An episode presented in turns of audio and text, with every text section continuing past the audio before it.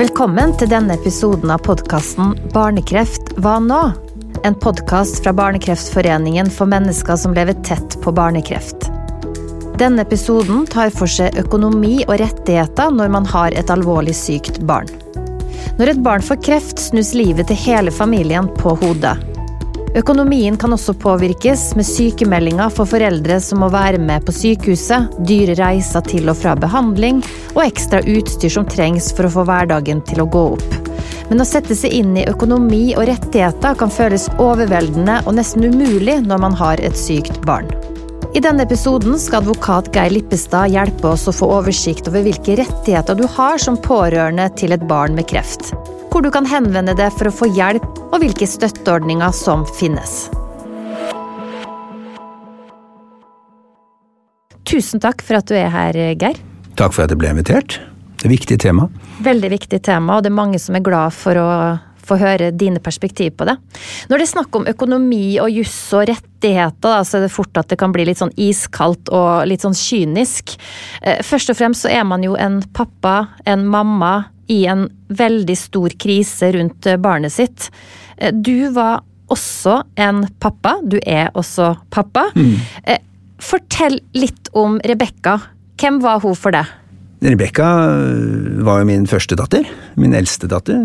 Og, og, det første barnet Man er jo like glad i alle sammen, selvfølgelig, men man er jo ekstra på vakt og, og ekstra um, hva skal vi si følsomt, tror jeg, når, når, eh, når, det er det første barnet det er snakk om. Så, så hun var uh, en fantastisk jente, men uh, levde hele livet med alvorlig sykdom. Mm. Var frisk uh, mens hun var ung, og, og, men det var en progrerende sykdom som gjorde at til slutt så, så orket ikke kroppen mer.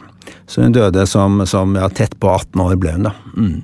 Så det ga meg jo mange erfaringer. Eh, først og fremst på godt. Det å være pappa er like flott om det er et barn som lever lenge eller lever kort. Eh, men selvfølgelig også dette med systemet. Eh, dette med å få hjelp og hjelp til rett tid. det det er jo noe man på en måte ikke orker å tenke så mye på. da. Man, man fokuserer jo særlig i, i, sykdomsfaser ofte på å være til stede for barnet, være på sykehus. Ja.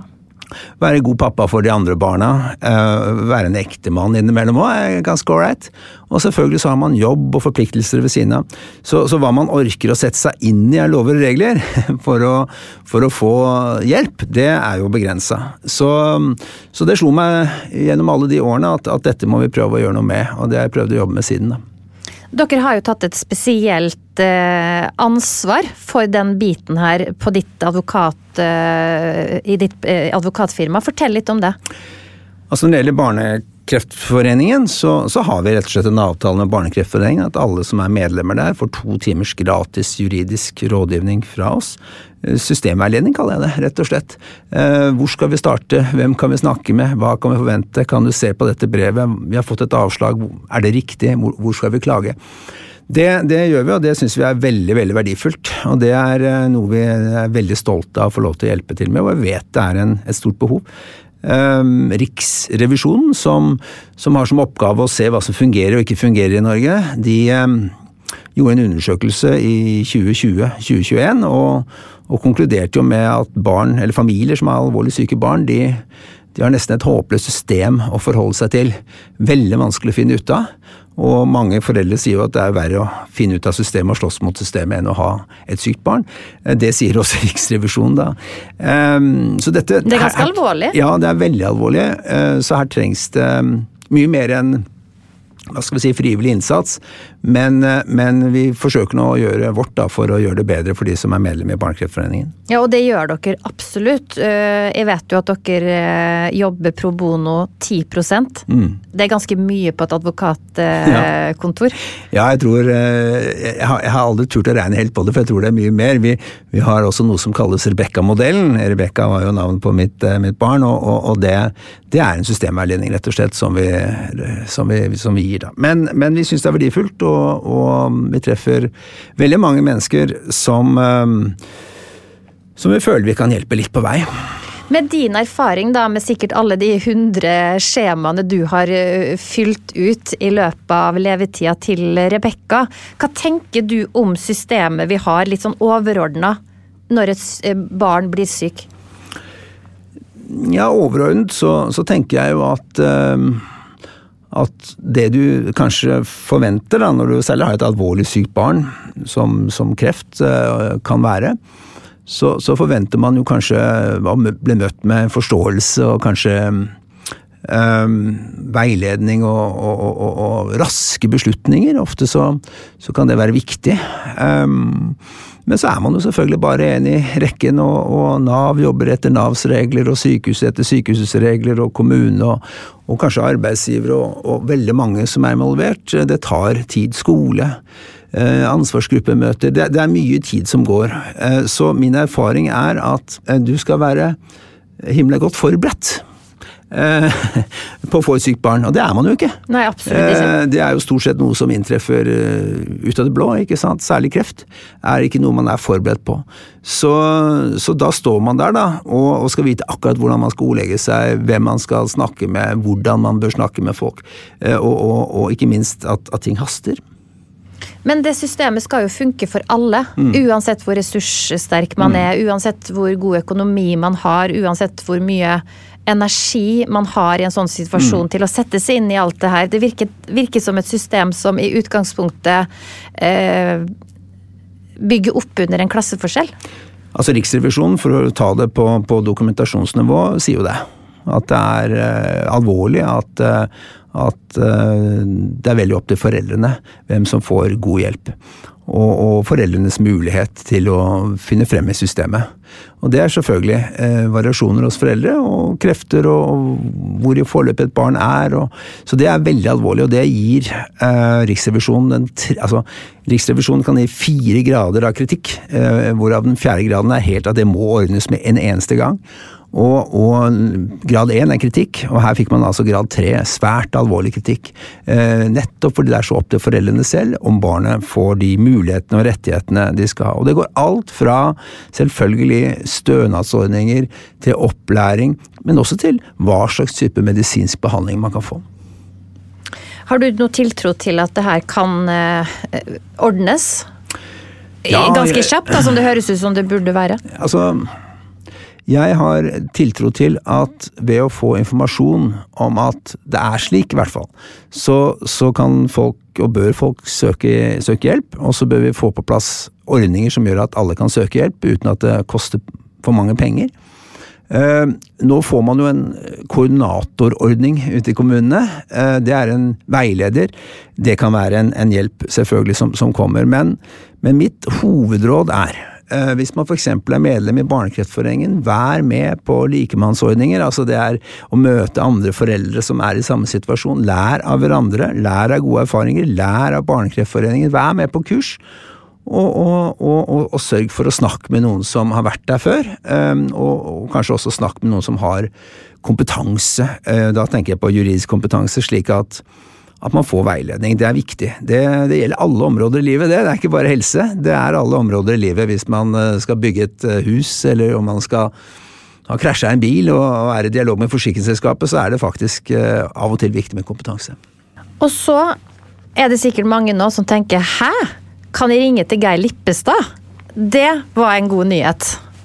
Du kan ringe til, eh, til, oss, og veldig mange får snakke med meg direkte, eller med en av våre andre ansatte som er advokater og som kan dette veldig godt. Og vi er innmari stolte, og jeg tror vi snakker om det, om ikke hver dag, så snakker vi om, om dette i hvert fall flere ganger i uken. At, at eh, det gir oss veldig mening å, å bruke juss for å hjelpe familier som er i den situasjonen.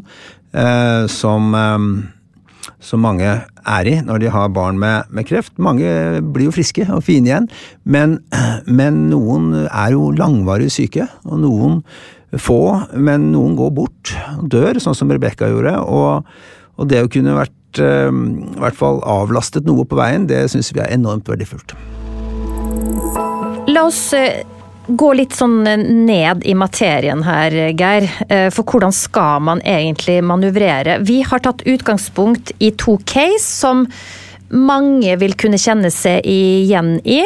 Eh, vi tar først ett, som er litt mer den første fasen når barnet blir sykt. Og så er det et annet case som er mer når barnet skal tilbake til hverdagen sin eh, igjen, og hva skjer da?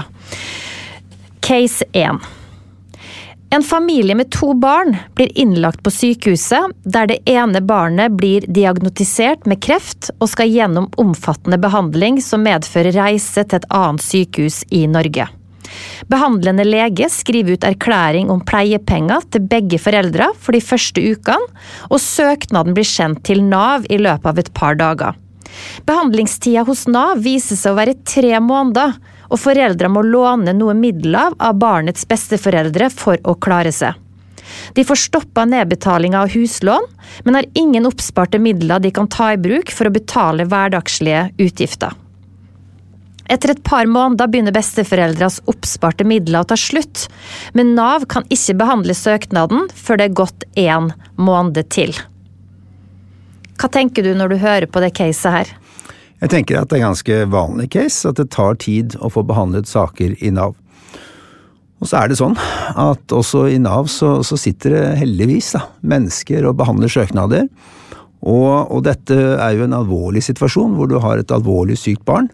Um, og det haster for familien. Da vil jeg jo si at det å ta kontakt altså En ting er å sende inn en søknad inn i et system, men, men det er også viktig å ta kontakt uh, på telefon. Få Eh, navnet på den personen som skal søke eh, som skal behandle søknaden. Det har man krav på å få. Eh, og så sende mail, spørre, når det, fortelle at det er viktig at dette blir behandlet raskt, så raskt som mulig, pga. at man står i en økonomisk situasjon som er vanskelig, og, og rett og slett ta kontakt. Noen vil si det er å mase, men det gjelder alle steder i systemet at det er faktisk de som tar kontakt og forteller at situasjonen er prekær, eh, de får, eh, kan få hjelp fortere. Så, så Uh, og Det kan jo være da at denne eh, saksbehandleren mangler noe dokumentasjon, f.eks.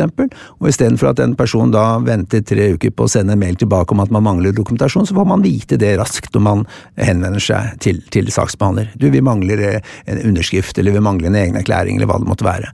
Så går det fortere. Så ja, det koster litt å ta kontakt med den saksbehandleren, men gjør det. Ta kontakt med eh, saksbehandler.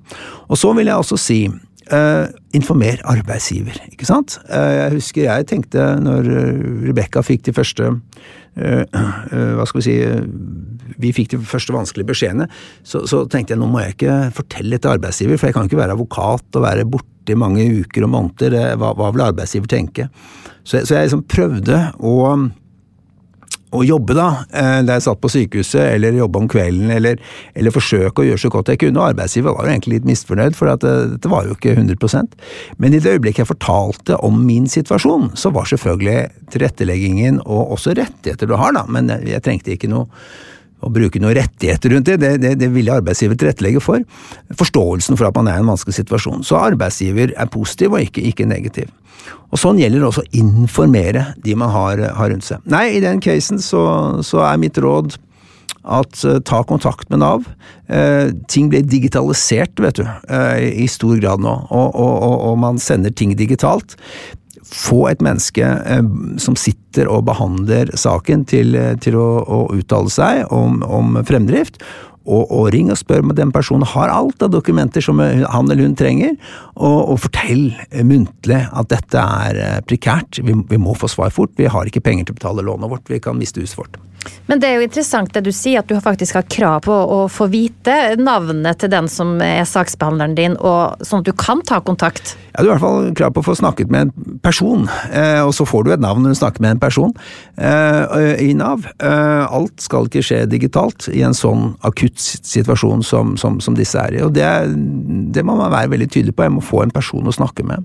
Men i den casen da, Geir, så, så låner altså foreldrene penger av besteforeldrene i påvente av Nav. Mm. Altså, er man avhengig av å låne penger, ha oppsparte midler for å kunne betale huslån, det andre søsken gjerne, for å rett og slett eh, eksistere?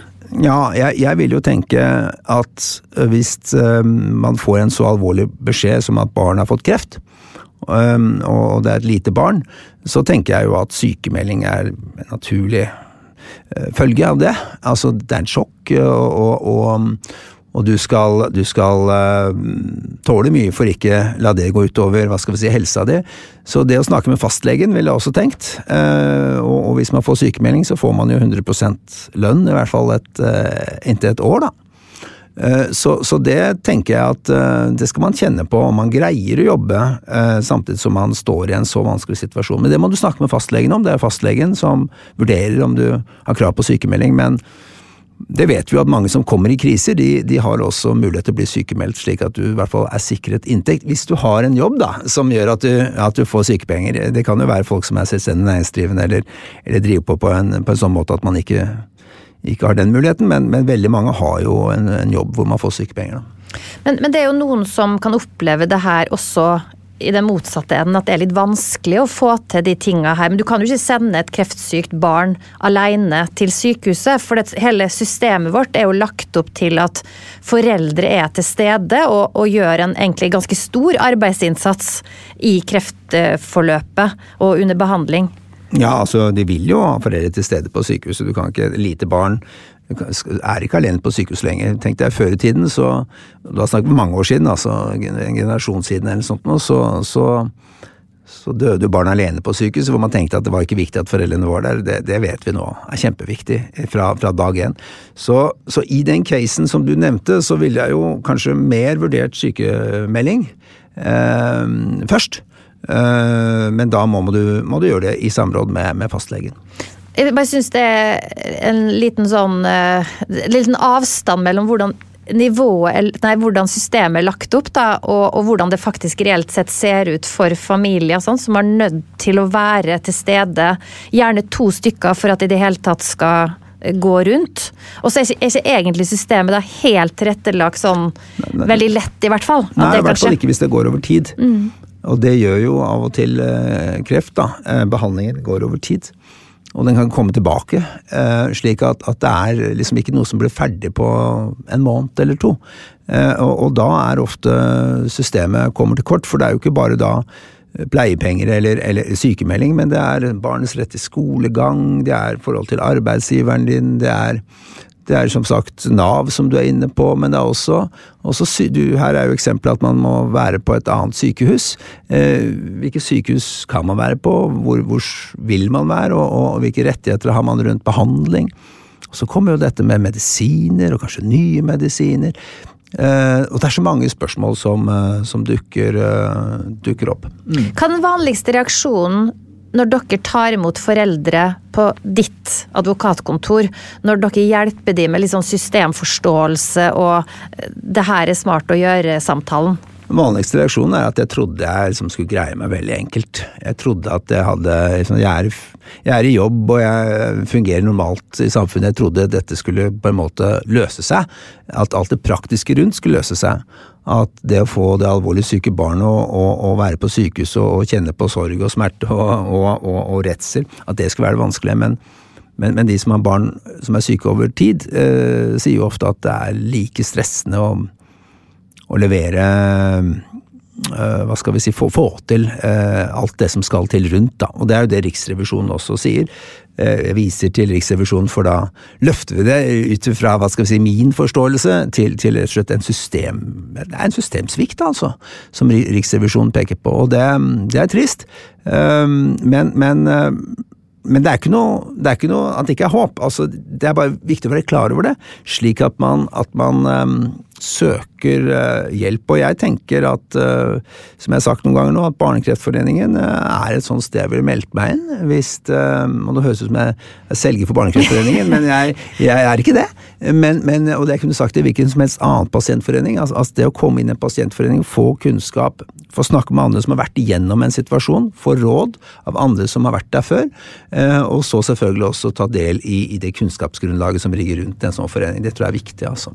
Det jeg hører det si, det er at kanskje ikke forventningene skal være skyhøye til hva som kommer automatisk?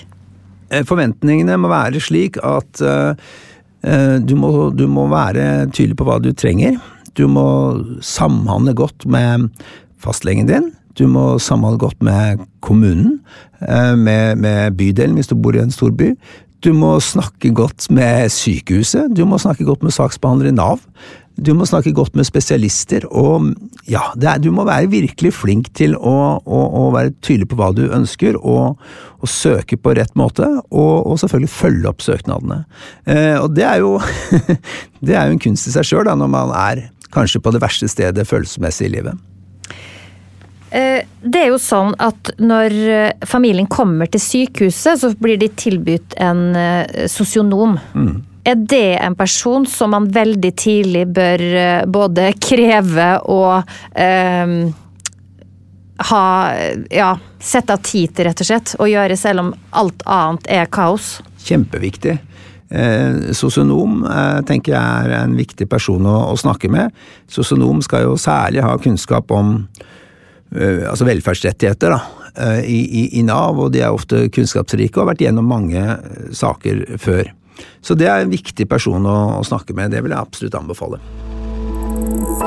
Ok, skal vi gå til case to? Mm. For da flytter vi oss litt fra den første fasen når alt er veldig kritisk og det er mye usikkerhet, til litt seinere i behandlingsforløpet. Det er altså case to. Ei jente på sju år er nå ferdig med den mest intensive behandlinga og kan nå være en del hjemme og få gå på skolen når hun orker. Hun er sliten etter behandlinga og må ha en del pauser i løpet av dagen, men vil svært gjerne være på skolen så mye som mulig for å treffe vennene sine. Mor har fått tildelt pleiepenger og følger dattera og henter henne etter et par timer hver dag.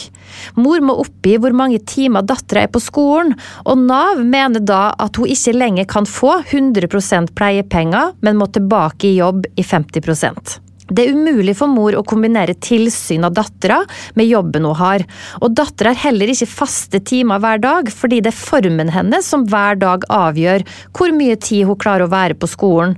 Mor får erklæring fra lege om dette, men Nav godtar det ikke. Mm.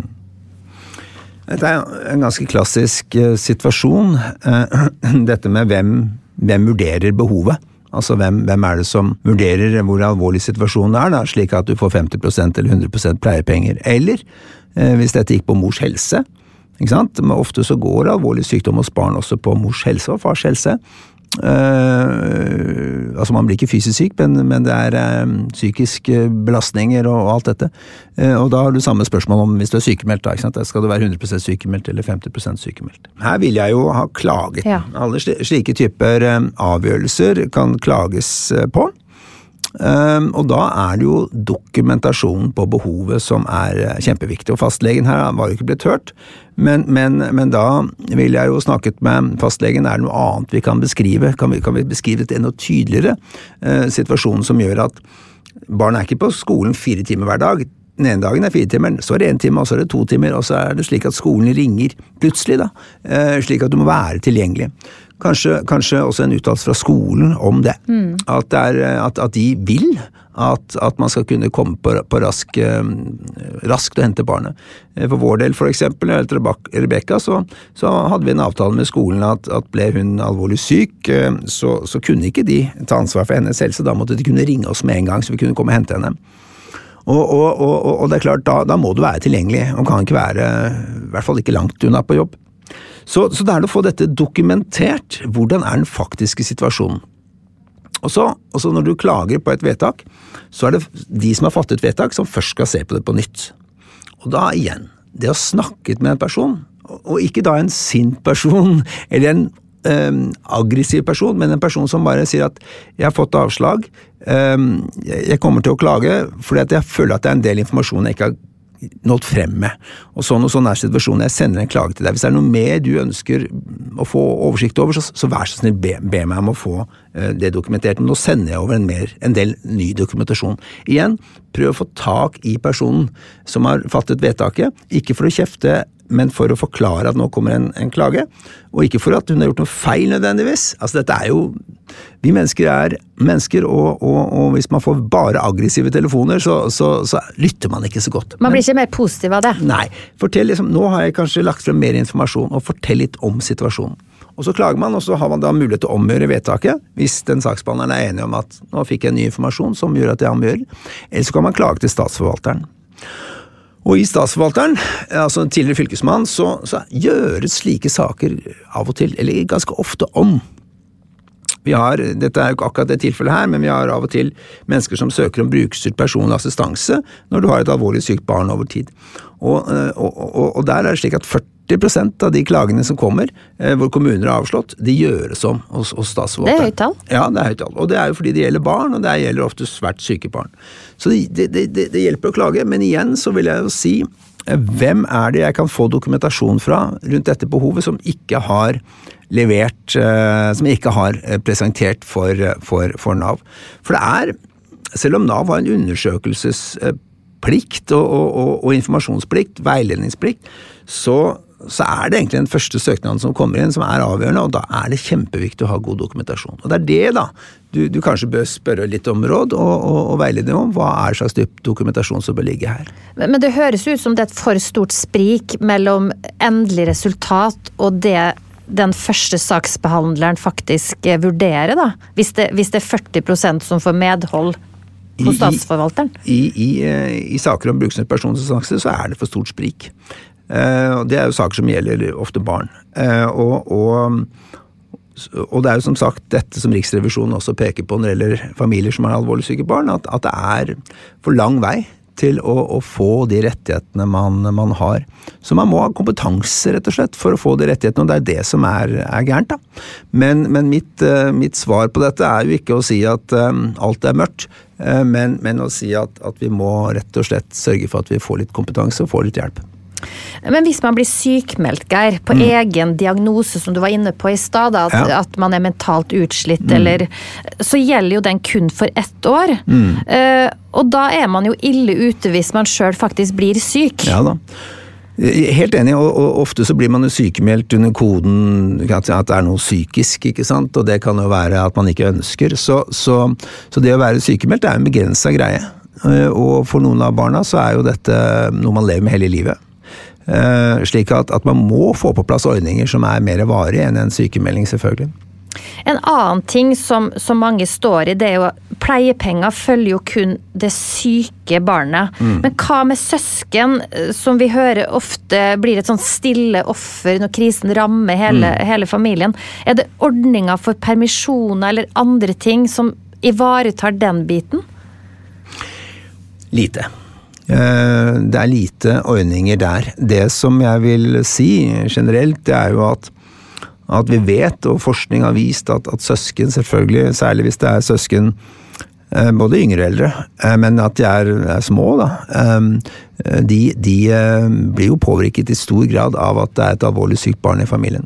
Og foreldrene bruker veldig mye energi, selvfølgelig, på det barnet som er sykt. Så, så, flere og flere hva skal vi si, rehabiliteringsinstitusjoner eh, og eh, sykehusene er jo mer og mer opptatt av hva de kan gjøre for søsken. Så det finnes jo eh, opphold eh, eh, rundt omkring eh, for søsken, hvor de kan få, få hva skal vi si Altså man har anerkjent at de også faktisk trenger habilitering. Da. Så det vil jeg jo anbefale eh, alle å undersøke, hvis man tenker etter hvert, da. Eh, det er gått et år eller to, og, og man tenker at det er noen søsken som også sitter inne med mange spørsmål. Kan de være med på opphold? Når det gjelder andre typer grupper, f.eks. Skjellenfeltet, da, så har man jo noe som heter Frambu i Oslo, som, som, som, har egne opplegg for søsken. De er med eh, broren eller søsteren sin som er, har sykdommen, og så er søskeren med, og så er søsknene egne opplegg. Går på skolen ute på Frambu og, og, og, og, får kunnskap og, får, det, får, får, snakke om det å være søsken til et alvorlig sykt barn. Så undersøk det, eh, om det er tilbud til søsken i din kommune du bor i. og Det er viktig. Det er viktig. Og så er jo det også noe du må passe på å søke om, da. At du har tid og mulighet til å være mor og far eh, til de andre barna også. Altså vi eh, Signe og jeg vi har, har jo til sammen åtte barn, ikke sant. Og, og, det er klart at eh, hvis de ikke vi hadde greid å ta vare på de, så, så hadde de alle sammen tatt skade av at en, en var syk. Så, så, så man må også i søknader om om det er pleiepenger eller hva det er man søker om, legge inn at man faktisk eh, har andre oppgaver om. Det er en del familier som hadde hatt veldig god bruk for uh, assistenter, f.eks. Mm. Hvis, uh, ja, hvis dette blir langvarig. men det kan jo også uh, for noen virke som en ganske høy terskel å, å få noen til å, å, bevilge penger til det. Ja, det er det. Men, men her, eh, her, tenker jeg her, her, her ligger en del muligheter. Altså, ved alvorlig sykdom så har du selvfølgelig hjemmesykepleie og den type ting, eh, som har et medisinsk ansvar eh, hvis du behandler barnet ditt hjemme. Men så har du også fått en lovfestet rettighet i 2015 eh, til noe som heter brukerstyrt personlig assistanse. Det kalles BPA. Brukerstyrt personlig assistanse. Og Det er noe kommunene er forplikta til å levere, enten at kommunen leverer det direkte, eller at det skjer gjennom en såkalt leverandør. Og mange som har barn som er syke over lengre tid, for det er vilkåret at det må være liksom over lengre tid, har veldig stor glede av det. fordi da skjer si, assistansen mer på barnets premisser da, eh, enn en på hva skal vi si, kommunens premisser. Når kan hjemmesykepleien komme, når kan avlastningen foregå? Og mange ønsker jo å ha barna hjemme, ikke ha avlastning f.eks. i en, en bolig eller, eller, eller borte. Så det er en, en ordning jeg vil, eh, vil, eh, anbefale alle å se på, BPA. Og, og, og det er en, eh, en, mulighet også til å For foreldrene, da, til å, å, få hva skal vi si, litt tid for seg selv eller for de andre barna.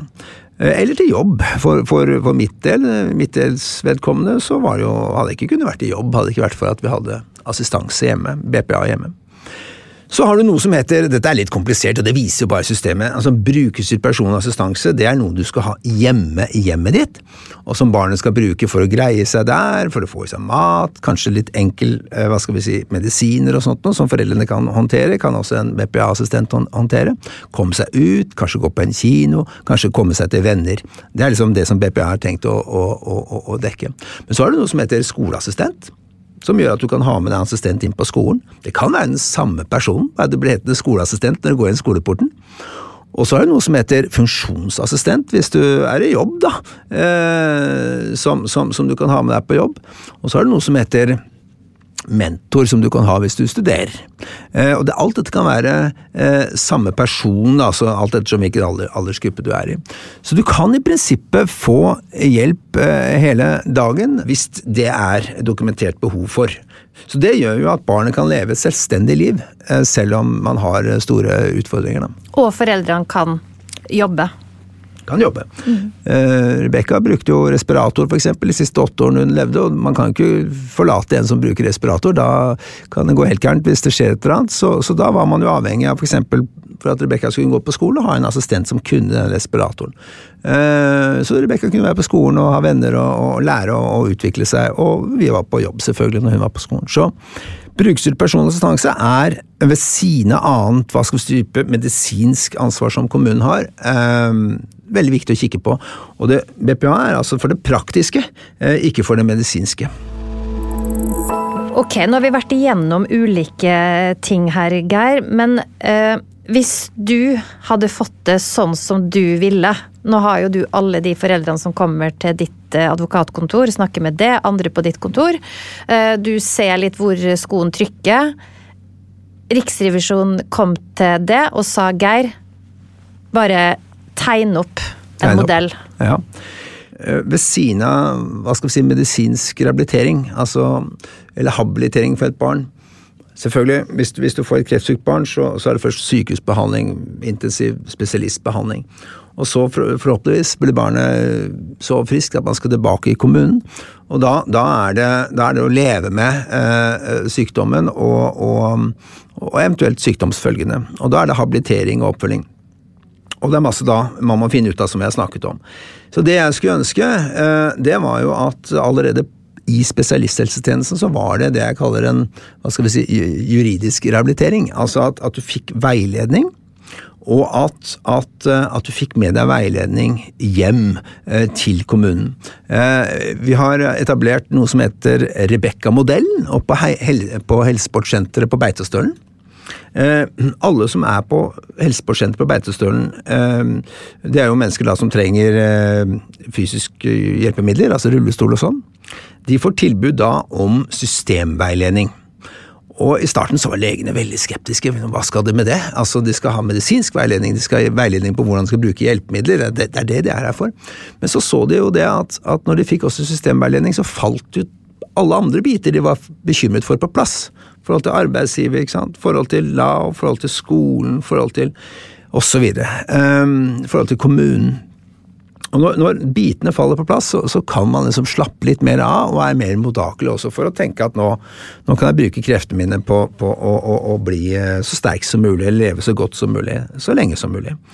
Så, så min, min, mitt svar på dette er jo, er jo ikke et navn, altså Rebekka-modellen, men mitt svar på dette er at, eh, at det, det bør være eh, et, et uavhengig rådgivnings mulighet i, i, i, hver kommune.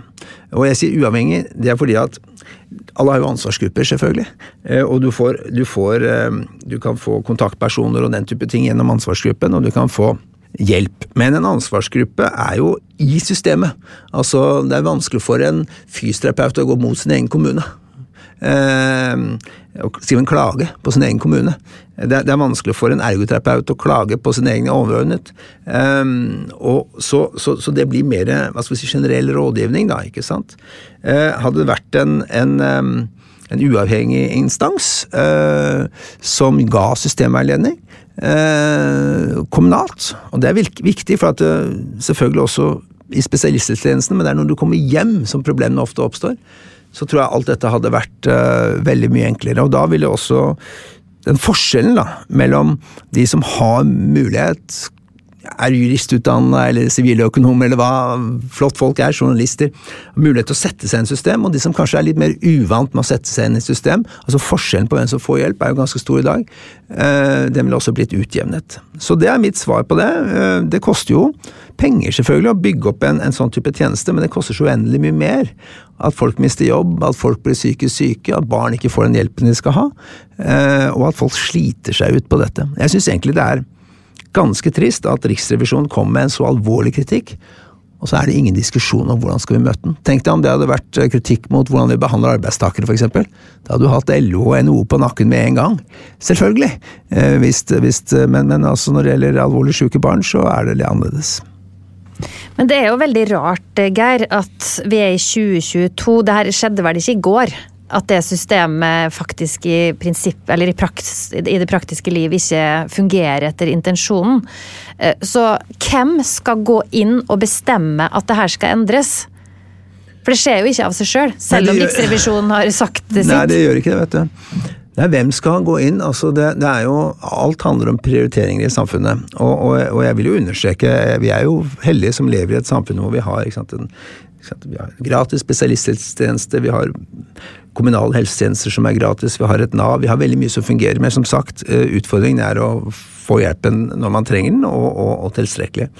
Eh, I disse dager hvis jeg får lov å løfte dette litt i politisk diskusjon også, så diskuterer man noe så rart som om FNs menneskerettighetskonvensjon for mennesker med nedsatt funksjonsevne, og nedsatt funksjonsevne defineres som sykdom over seks måneder. Altså det kan, det kan være kreftsyke som, som, har, som lever med kreft. Eh, om, om altså menneskerettighetskonvensjonen skal inkorporeres i norsk lov eller ikke. Eh, altså kvinnekonvensjon, Tenk om vi hadde det samme om kvinnekonvensjonen, at eh, kvinners eh, menneskerettigheter ikke skulle inkorporeres i norsk lov. Da, da, tror jeg vi hadde fått en stor diskusjon. Selvfølgelig er den inkorporert. Eh, barnekonvensjonen er inkorporert.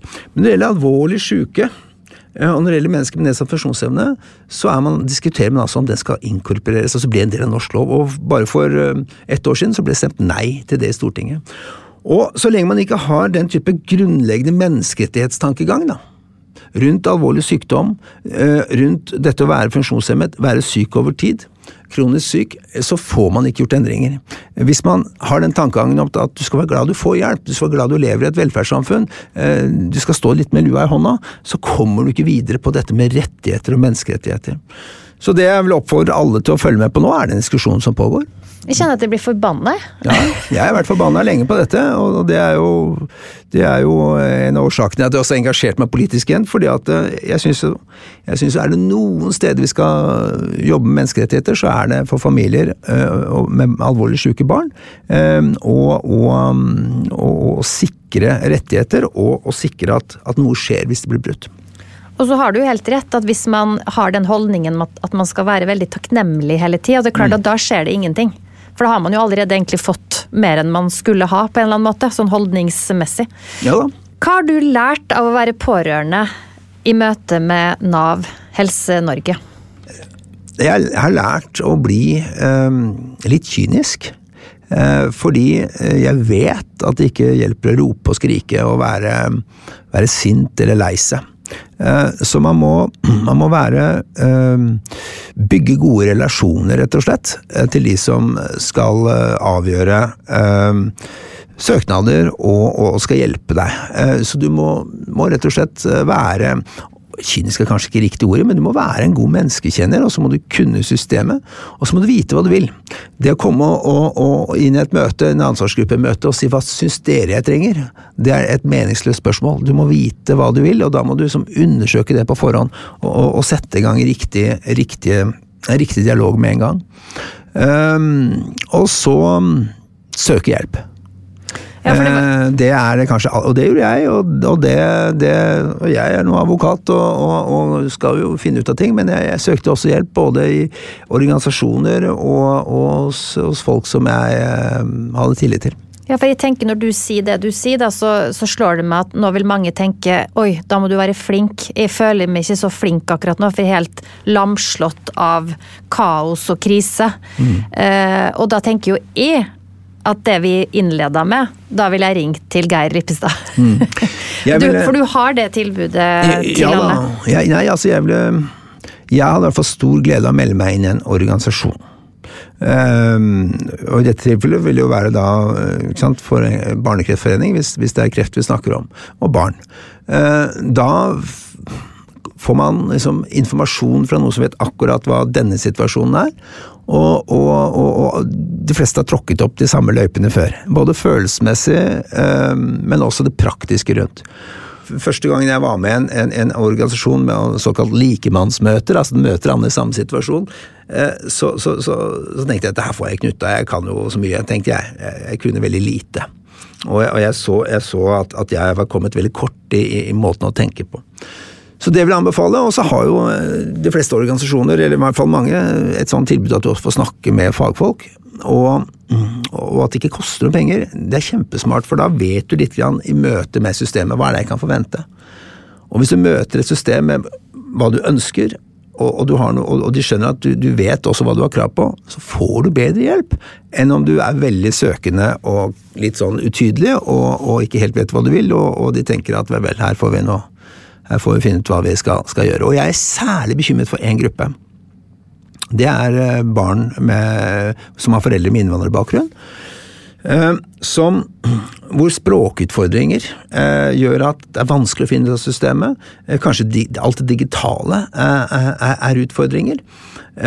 og og man blir da altså ikke sånn direkte diskriminert, men indirekte diskriminert. At det ikke er et system som, som tar inn over seg også at disse foreldrene har en ekstra utfordring. Og kanskje har man mange barn ved siden av, kanskje har far to jobber. Det er, det er ordentlig krevende. Et, et, et, um, et veldig viktig doktorgradsarbeid som, um, som er, er, utført, um, viste jo at 60% av barna på habiliteringen på Ullevål universitetssykehus, altså over 50% i hvert fall, hvis det har han ikke foran meg, men i hvert fall over 50% var barn med innvandrerbakgrunn. Men nesten ingen av de familiene etterspurte gratis habiliteringstjenester når de kom ut fra sykehuset. Og Det er jo ikke fordi det er noe galt med barna, eller foreldrene, men det er fordi at, at de ikke fikk informasjon, fikk veiledning på sitt språk, eller at habiliteringen er relevant for, for, eh, for, for, dem. ikke sant? Det er kanskje ikke så lett å reise bort til tre-fire uker på et behandlingsopplegg når du har mange barn hjemme og far jobber to jobber.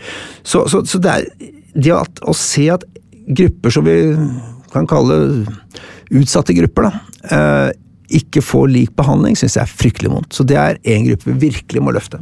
Er det noe dere eh, jobber for å, å komme i kontakt med på ditt eh, advokatkontor?